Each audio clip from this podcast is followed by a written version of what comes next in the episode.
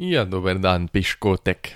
Bilo je kar nekaj na hitro posnetih epizod, ker se veste, ne, januar je mesec, ko imamo občutek, da je treba narediti za celo leto naprej in tudi edini mesec s kakršno koli motivacijo, tako da ponavadi si ga naredimo kar nabasanega. In posledično sem vam danes skoraj dolžen eno malo daljšo epizodo z malo več informacijami, z malo več mm, faktorja, da ščegetamo najboljše in tiste, ki to niso, vlačimo pod reku. Nekaj aktualij, nekaj manjših segmentov, v glavnem pa dve širši tematiki, okoli Alstar tekme in menjav, tradeov, ki jih čakamo. Rui Hachimura v LA se je zgodil, zdaj rabimo še ne 28 menjav, da bomo potešeni. Preden zarežemo, res cenim, če se naročite, če delite, če priporočite overtime. Veliko pomeni, tudi newsletter še vedno obstaja, si morate misliti. V ponedeljek ga je sicer malo zmanjkalo, ampak pripravljam eno zanimivo serijo, tako da uh, je dober čas, da se naročite. V linku imate opis, samo pišete svoj mail in dobite direktive v nabiralnik. Zdaj pa nazaj na basket in tekmo vseh tekem, šov vseh šovov, povprečnost vseh povprečnosti, meh vseh mehov. All star tekma je dobila svoje starterje. Večina gladko pričakovanih, zasluženih, dve imeni, ki pa sta nekoliko zbodli v oči. Na zahodu so bili izglasovani LeBron James, Nikola Jokic, Zion Williamson, Steph Curry in Luka Dončić. Na vzhodu Janis Antetokounmpo, Kevin Durant, Jason Tatum, Kyrie Irving, Donovan Mitchell. Kapetana sta Janis in pa Bron. V oči pa zbode predvsem Zion Williamson, je starter na tekmi vseh zvest, čeprav je igral le 29 tekem, tudi zdaj že nekaj tednov ne igra in čist možno je, da bo tudi All-Star Weekend spustil zaradi poškodbe stegenske mišice. Ko igra, je bist, to vemo, to je prikazal, ampak letos je bil Anthony Davis, naprimer, verjetno večji bist, pa je odigral sam tri tekme manj. Oba torej krepko, veliko preveč manjkata in po mojem mnenju preveč tudi zato, da bi pač to tekmo začela. Tako da tu je mogoče Domantas Sabonis celo najbolj zaslužen majster za to startno mesto, ali pa mogoče celo Lauri Markanen, ampak ok, no, dobil je Zion, tako AD kot Williamson sta boljša kot Sabonis, ko igrata.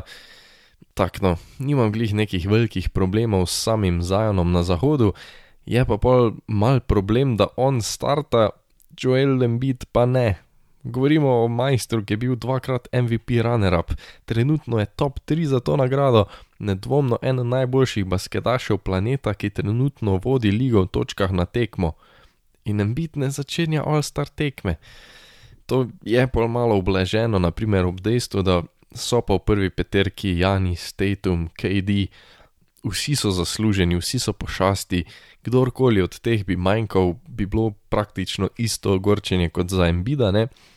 In glih zato se mogoče malo nagibam k dejstvu, da bi bilo probably boljš, da konference na tej točki izničimo, zdaj pa fan votingu še vedno lahko stanejo. Tisto je malo specifično, ker glasujejo največji fanbase pri glasovanju košarkarjev, pri glasovanju predstavnikov medijev, pa mislim, da bi mogli simpli skiniti konference, zacajgajo najboljše majstre v ligi in pika, ker ni fair pač ni fair, da je Zion noter, Jojo pa ni. Ne vem, koliko zdaj to sicer pomeni, da začneš All-Star tekmo, je pa glupo. Torej, voting je isti, naprimer, ne navijači glasujejo vzhod-zahod, se še vedno šteje 50 odstotkov, pol po 25 odstotkov, tako kot je zdaj mediji in sami košarkari, ampak da mediji in košarkari ne glasujejo posebej, ampak zacajgajo 4 garde, 6 frontcourt playerjev in s tem dobiš najboljše v ligi. S tem se pol izogneš takim bedarijam, po mojem, no. sploh ker ne igramo več vzhod proti zahodu. Dreftajo, mešajo se majstri. Edini, ki je bil pač pol tu zdaj v teh ekipah še pod vprašanjem, je pa drugi gard na vzhodu, to mesto je zdaj pripadlo Kajriju Irvingu. Nič narobe, ima naprimer Harden tudi res dobro sezono, manj točk na tekmo sicer, ampak igra za boljšo ekipo, pa ima skoraj duplo asistenc kot Irving. Za moj srčni izbor bi bil Halliburton, letos presenečenje Indijano pelje na zmagovalna pota, neverjetno učinkovit in zanesljiv play. Ampak ok, Kajri, ko je na igrišču, je bist, izven parketov je pač tisto, kar ga v očeh mnogih tiši dol po lestvici. Uh, kam je pa še bilo zanimivo, pa je bilo pogledati specifično, kako so košarkari glasovali. Ne? Zdaj ne vem, jaz, koliko so tisti glasovi pri repu ležit, ker se eni relativno zabavajo, devajo holmgrene noter, pa tako, ampak vsem pa se mi zdi, da veliko to pove tam pri najboljših, torej koliko spoštovanja kdo žanje širom lige. Jaz se o najjačih ne bom pogovarjal, ne bom se jih dotikal, ker so bili logični, presenetili so me pa ti malo pod vrhom, ne. Trey Young je majster, ki šopa skoraj 30 na tekmo, pa je le na 12. mestu vzhoda. Njegova obramba je več kot očitno tudi v očeh kolegov preveč bizarno slaba, da bi bil med najboljšimi v ligi. Paul Ben Simons je na 18. mestu, ok, ne, vsi vemo, kakšne probleme ima, Smešno mi je pa bilo, da je bil Derek Rose 17. človek, ki že kar nekaj let predstavlja takega povprečnega roleplayerja, še vedno tako priljubljen, tako spoštovan, da je pred Benom Simonsom, ki je pa vseeno še par let nazaj veljal za vele zvezdo, talent lige. Kul uh, cool mi je bilo, da je Halliburton šesti, zanimivo mi je bilo, da je Harden peti, mesto za DeRozenom, ki je bil četrti. Na zahodu pa je Steven Adams na desetem mestu, pred Kawajem Leonardom, pred Andrewom Wigginsom, pred Deandrejem Aitonom, props Kiwi.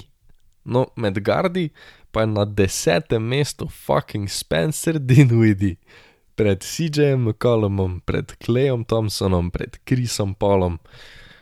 Tudi prav Spence, očitno ima Dallas res zvezdo. No, na koncu, kar se All-Star tekme tiče, pa še ena fina, tako exciting sprememba, kar se tiče same tekme, in to je draft, ki tako ali tako predstavlja najbolj zanimiv del vikenda zadnjih par let, bo zdaj neposredno pred tekmo. Ne bojo torej prej posneli kapetana, ne bo ta prej draftala svojih ekip, to se bo zgodilo kot tako dobro staro voljenje na samem igrišču. Zanimivo bo po moje, ker bojo itak vsi živčni, vsi ostari, zdaj kdo bo zadnji izbran.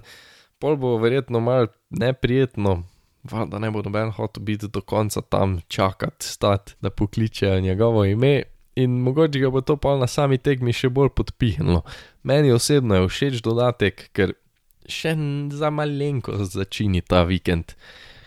Selimo pa se na dve, na vse pomembni, ampak relativno prehodni temi, ker se o tem pogovarjamo pa neverjetno veliko. LeBron James je kralj basketa. Na zadnji tekmi je s triple doublom skočil na četrto mesto v asistencah. To vseh časov. Na četrtem mestu po asistencah. Da se malenkost odmaknemo tudi od dejstva, da bo pojedel Karima, čist verjetno bo v karieri nacapal 40 jurjev pik, no z 10.339 asistencami pa je prehitev Steva Neša, pred njim se zdaj nahajajo še Chris Paul, Jason Kidd in John Stockton, izraziti pure playmakeri, no pa Bron. Upravičeno je največ oči, seveda, uperjenih na 88 točk, ki mu še manjkajo do enega največjih rekordov basketa. 88 pik, kar pomeni, če bo seveda igral dve ali pa najverjetneje tri tekme. Razpored je nasleden. Naslednji dve tekmi Indiana in New Orleans Pelican v gosteh pol pa Oklahoma in Milwaukee doma. Oklahoma je torej tretja tekma, najverjetneje tudi nasprotnik za rekord, bo tudi seveda doma v Staples centru. Ja, še vedno govorim, da je Staples center, ker za mene dvorana Lakersov nikoli ne bo crypto.com arena. Verjetno bi bilo nekako bolj seksi, če rekord postavi proti Milwaukeeju. Milwaukee bo tudi v Staples centru in je naslednja tekma od Oklahome.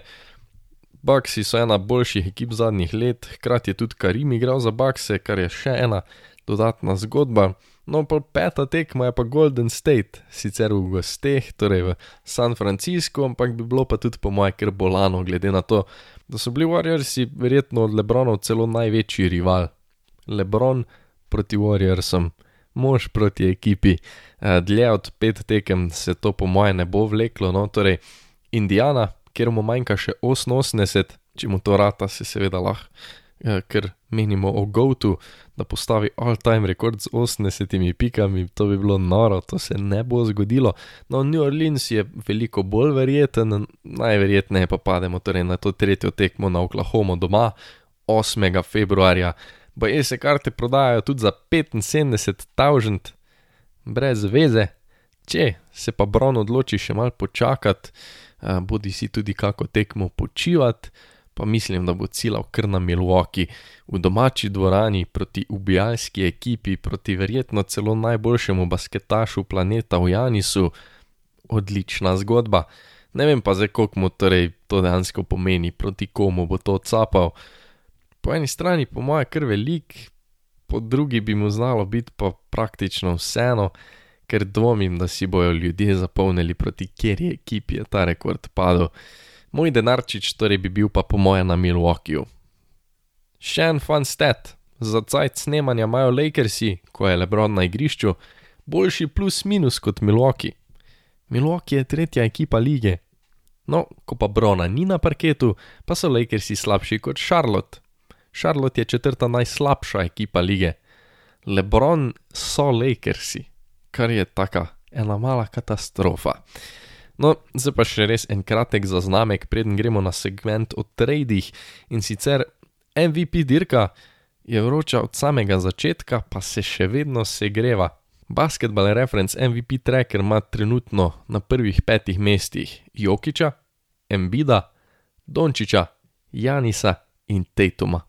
Vsi ti bi si zaslužili in je že bilo kdaj toliko talenta v ligi kot letos, toliko leži do zvest, ker tu zdaj imamo verjetno pet najboljših basketašev planeta, pa noter ni KD-ja, pa noter ni Lebrona, pa noter ni AD-ja, pa noter ni Krja. Bolano. Uh, videli smo tudi Rivals Week oziroma teden rivalstev. Zdi se mi, no, da zdaj v NBA-ju seveda teh rivalstev, teh tekem ni tako veliko kot pri futbalu. Delno zaradi tega, ker medtem ko pri futbalu imaš neke velike, velike klube, v NBA-ju vsake x let neka ekipa res pade na poden.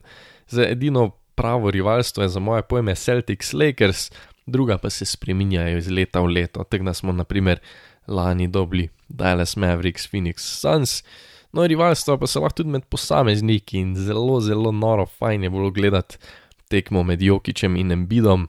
Embid je šel na vse ali nič, hotel ga je pojesti in mu je to tudi ratalo.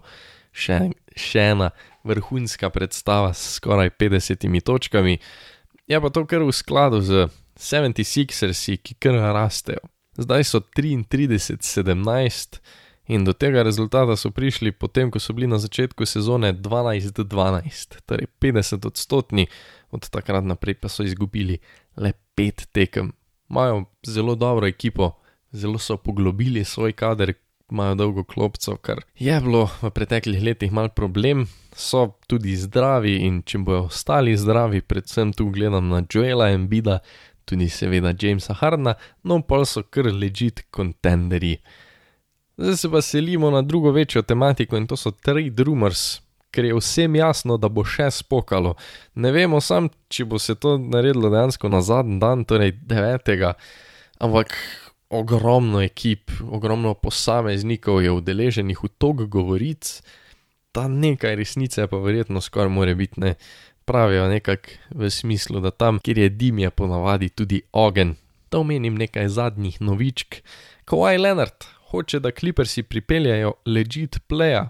Zdaj seveda za klipse organizirajo napad Terence Mann, Reggie Jackson in pa John Wall, ki ga ni na igriščih, ker je vnovič poškodovan, naj bi pa Kowaj hotel Fredoven Flita ali pa Kajla Laurija. To sta dva majstra, s katerima je igral pri Torontu, in dva majstra, ki bi verjetno pasala v to ekipo, sploh če gledamo, da uh, sta redno poškodovana, kar se mi zdi, da je kar v skladu z znamko LA Clippersov v zadnjih letih. Uh, bomo videli, no, ampak verjamem, da bi Clippersi lahko pripeljali katerega od teh plejev. Ena zanimiva stvar, ki se je še zgodila, je, da je Miles Turner, torej center Indijane, podaljšal za dve leti. To se mi je zdelo zanimivo. Praktično sam se je na začetku sezone ponujal Lakersom, rekel, da hoče iti, no zdaj je podaljšal. za kar lepe denarce in je nekako um, napovedal, da Indijana pa vseeno ne gre v rebuild, da Indijana pa je ugotovila, da imajo Tyrisa Halliburtona in nekaj zelo, zelo kvalitetnih posameznikov ob njem, kar pomeni, da lahko dejansko napadajo playoffe že v prihodnjih letih, morda celo letos. Zdaj pa smo pri ekipah, ki morajo tradati. In tu bom danes izkoristil tisto kvoto, ko se moramo pogovarjati o Dallas Mavericksih. Luka je tako dober, Mavsi pa preprosto niso. In jaz mislim, da Dallas mora iti relativno na glavo. Mislim, da je lahko praktično vse razen Luka na trade bloku, ampak na glavo idi v zameno, da res dobiš preverjeno kvaliteto. Ker ko gledamo nazaj, se seveda vsi strinjamo, da je bil trade za Kristopsa Porzingisa kar fail. Takrat so probali, so tvegali. To se ni izšlo, ker Kristops nikoli ni prišel nazaj, tako kot je bil pred poškodbo. Je pa dejstvo, da si zdaj tega ne moreš privoščiti. Ne moreš si privoščiti, da si še povprečen, glede na to, da imaš na parketu enega najboljših košarkarjev na svetu in jaz mislim, da mu ga morajo obkrožiti z drugo zvezdo. Jaz sem tu zdaj razdelil košarkarje, ki bi jim lahko bili mogoče na voljo na tri kategorije. In uh, v prvi sta Bradley Bill in pa Zack Lavin, za njih mislim, da se res lahko postaviš na glavo in hodiš po trpalnicah. Potem druga kategorija, ki ne bi dal glih vsega, ne bi prodal leve roke, jaz mislim, da za njega bi lahko prodali kar veliko. Dian Rayton bi po mojem pasal z Dončićem, ni zadovoljen v Phoenixu, Phoenix je meh zadovoljen z njim, uh, tako da to je trade, ki bi se lahko zgodil. Pa pa je tretja kategorija, sta pa dva majstra, za katera ne daj glih ful veliko, oziroma nuna se zanašaj na to, da ti bo ta naredila razliko, znala pa bi jo, če se zvezdne poravnajo in to sta John Collins in pa Ben Simmons. Collins, verjetno bolj kot Simons, vsem veš, kaj dobiš, dobiš mentalno stabilnega posameznika, um, je pa Collins seveda vsako leto upadal tudi je veliko vprašaj okoli te Atlante, kako so ga uporabljali, ampak jaz verjamem, da Collins še vedno je dober posameznik. No, Ben Simons pa je vsa obramba, ki je dala sumanka. Je pa vprašanje seveda njegovega mentalnega stanja, tu bi podobno kot v Brooklynu, mogoče še celo več, igral kot power forward center, eh, lahko bi pokrival seveda najboljšega posameznika nasprotne ekipe. Simons naslovi veliko vprašanj, ki jih pač dala sma. Je pa res vprašanje, kakega Simonsa dobiš, ker če še najde tisto neko formo, je eden izmed najboljših obrambnih košarkarjev v ligi, en izmed boljših kreatorjev in ta žoga bi prdala so pol res šlane. Je pa res, da s Simonsom kupiš mal mačka v žaklu, zaradi tega, ker predvsem plačuješ njegov potencial, ne njegovih dejanskih predstav v zadnjih letih. Zdaj, koga bojo poslali, veliko se pogovarjajo o Timu Hardwareju Jr., eno tistih glavnih imen, okoli katerih pa se moramo pogovarjati, je pa Christian Wood, ker tu je zelo veliko vprašanje, kaj bojo z njim naredili. Glede na predstave na igrišču, je v napadu pripomogel res veliko letos, ampak vseeno pa niso pripravljeni dati tok keša, kot sam misli, da si ga zasluži. In verjetno ga je bolj že zdaj nekako tradati, nekaj dobiti v zameno če ni dolgoročne prihodnosti, oziroma ni dolgoročne zveze med Messi in pa Udom. Tako da to je treba paziti, kaj se bo tukaj dogajalo. Um, pa pa sta še dve ekipi, o katerih se bomo pogovarjali malo manj in to so LA Lakers. Tu ne bom razglabljal, zaradi tega, ker sem že 26krat povedal, kaj rabijo. Pa pa Miami Heat.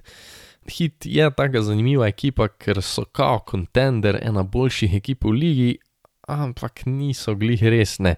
Bema debajo, nor, Butler v playoffu vedno utrga, tudi letos igra dobro, čeprav spet veliko poškodovan, uh, ni pa to to, ne, ni ekipa zaokrožena in to se dogaja predvsem zato, tega, ker nimajo nobene klopce. Imajo dobro prvo petko, Lauri se torej ni šel najboljš, ampak izklopi pa ti prihajajo uh, različni Martini, Duncani, Robinsoni in to preprosto ne more biti contending ekipa.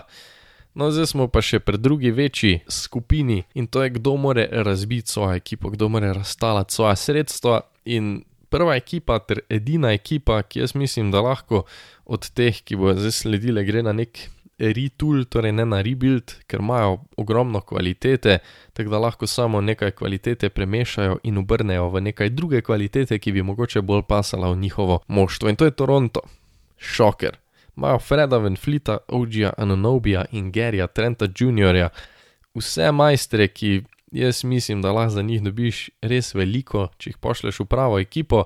Pri Raptorsih pa so mogoče že prikazali vse, kar so imeli za prikazati. No. Gary Trent Jr. prihaja po novo pogodbo, ki mu je Toronto skoraj zagotovo ne bo dal, OG Anunobi pa hodi po prstih, tako Scottiju Barnesu kot Pascalu Siakamu. Siakam je daleč najboljši posameznik ekipe, Scotty Barnes pa ima precej več potencijala kot OG, hkrati pa je Anunobi en najboljših obrambnjakov lige, all defensive igralec, tako da za njega res lahko dobiš kar par kvalitetnih košarkarjev, verjetno pa tudi par first round pikov. Fred Van Fleet pa ni našel lanske forme, še vedno ga mučijo različne poškodbe, nigli, nič kaj baš težkega, ampak ima pa določene težave. Mogoče bi se pri novi ekipi bolj znašel in mogoče dejansko so klipersi celo pravi za njega, glede na to, da je pur organizator in ko bi imel Kawaja Leonarda, ko bi imel Paula Georgea, ko bi njima tala v žoge, verjetno tudi na njemu ne bi bilo toliko pritiska, da more trofiti 50 pik. Druga ekipa in edina ekipa, ki je še pod vprašanjem, če je prav, da bi šli razbijati, ampak jaz sem to nekako že nakazal, pa tudi stojim za tem, so pa Chicago Bulls imajo Vučeviča, poleti se mu izteče pogodba, zdaj še mogoče dobiš nekaj za njega, dvomim, da imajo namen podaljšati. Demar DeRozan, Zach Levin. Mogoče probaš koga obdržati, ampak s tem dejansko ne naritulaš in jaz mislim, da dejansko moraš vse najboljše posameznike razstalati, da res nabereš arsenal orožij, ki bi jih lahko v prihodnosti oziroma v prihodnih nekaj letih, ko bi bil rebuild končan, dejansko izkoristil. Zaradi tega, ker sej zelo lahko menjaš Vučeviča, Derozena, obdržiš lavina, ampak dobiš za Derozena pa Vučeviča res dost stvari. Da si pol z Levinom in X košarkarjem, ki bi prišel nazaj, dost jak, Jaz nekako mislim, da ne, no, tako da Vučevič, DeRozan, Lavin. Predvsem DeRozan in Lavin, all-star košarkarja, zvezdnika lige, ki igrata dejansko na all-star nivoju, DeRozan veliko bolj kot Lavin letos, ampak to sta majstra, za katero lahko dobiš celo goro kvalitete. Potem pa imaš Lonza Bola, tu se predvsem probaš znebiti pogodbe, glede na to, da še vedno ne trenira, še vedno noben ne ve, kaj je z njegovim kolenom. No, pa pa še Alex Caruso, ki bi kakemu kontenderju prišel precej prav s svojo obrambo, in pa Kobe White, mogoče en mladenič za kakšno rebuilding ekipo. Problem je tudi zaradi tega, ker niti ne veš, koliko se splača letos tenkat.